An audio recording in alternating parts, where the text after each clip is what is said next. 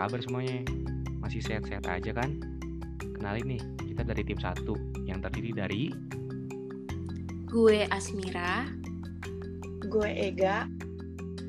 dan gue sendiri nih yang paling tampan, Haikal. Hehehe. Oke, kita lanjut dari episode sebelumnya ya.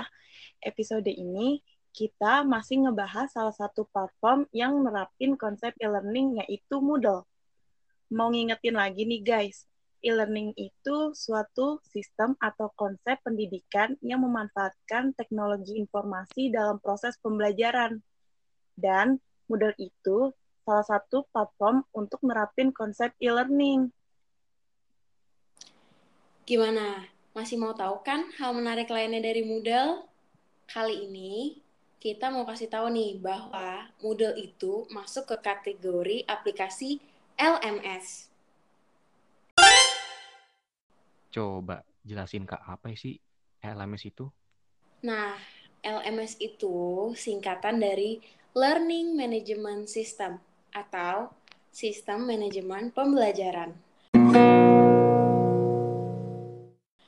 LMS sendiri itu merupakan course management.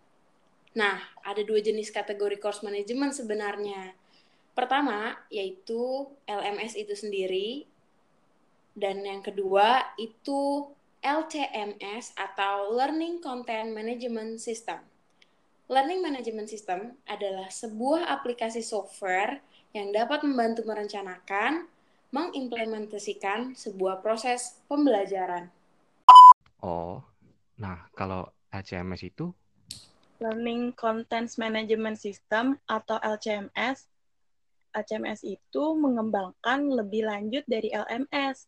LCMS merupakan aplikasi perangkat lunak untuk mengelola konten pembelajaran dalam berbagai bidang pembelajaran.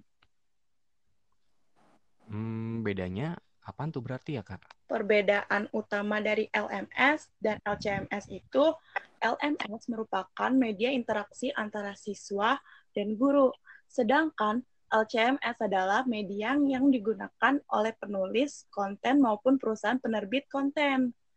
Nah, LMS diciptakan sebelum LCMS.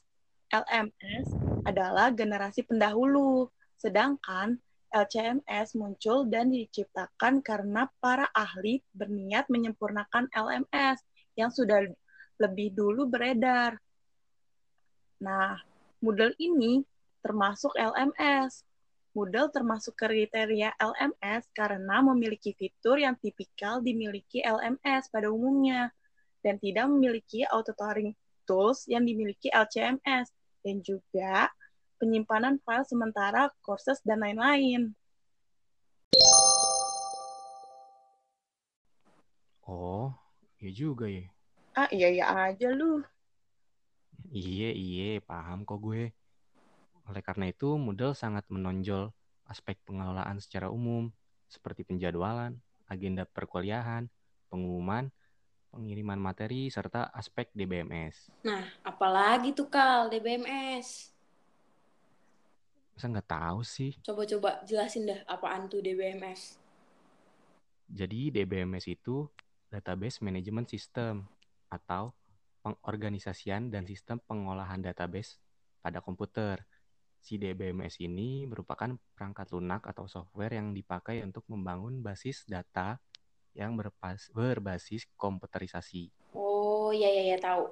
Oh, terus ditambah beberapa fitur unggulan Moodle yaitu assignment submission, forum diskusi, unduh arsip, peringkat, chat, kalender online, berita, kuis online, wiki yang ngebikin Moodle itu jadi kategori LMS ya.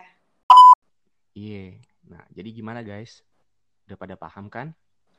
Gini-gini aja deh, intinya Moodle itu masuk ke dalam kategori LMS, Learning Management System ya guys, karena di dalamnya ada interaksi antara pengajar dan peserta didik.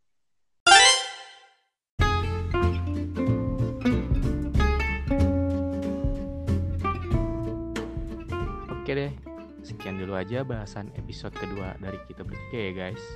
Sampai ketemu lagi di episode selanjutnya. You Makasih Dadah. guys, dadah. Bye-bye. Bye-bye, dadah.